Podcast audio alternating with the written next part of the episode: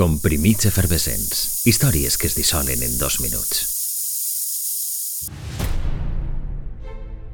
Charles Chaplin va faltar la nit de Nadal de 1977 i fou soterrat en un cementeri de Suïssa.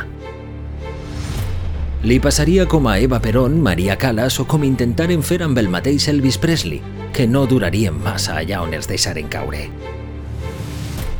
però en esta ocasió s'imposaria el trellat de la família i la poca traça dels segrestadors.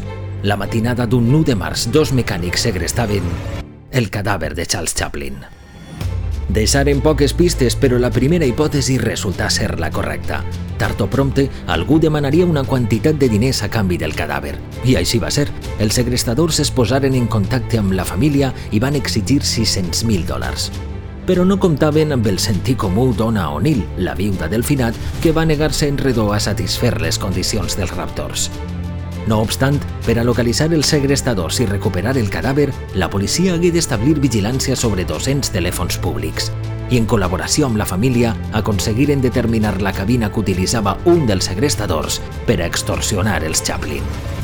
El detingueren allí mateix i a les poques hores el seu còmplice desenterra còmics. El cos fou finalment recuperat a pocs quilòmetres del cementeri, al mig d'un cultiu de Daxa.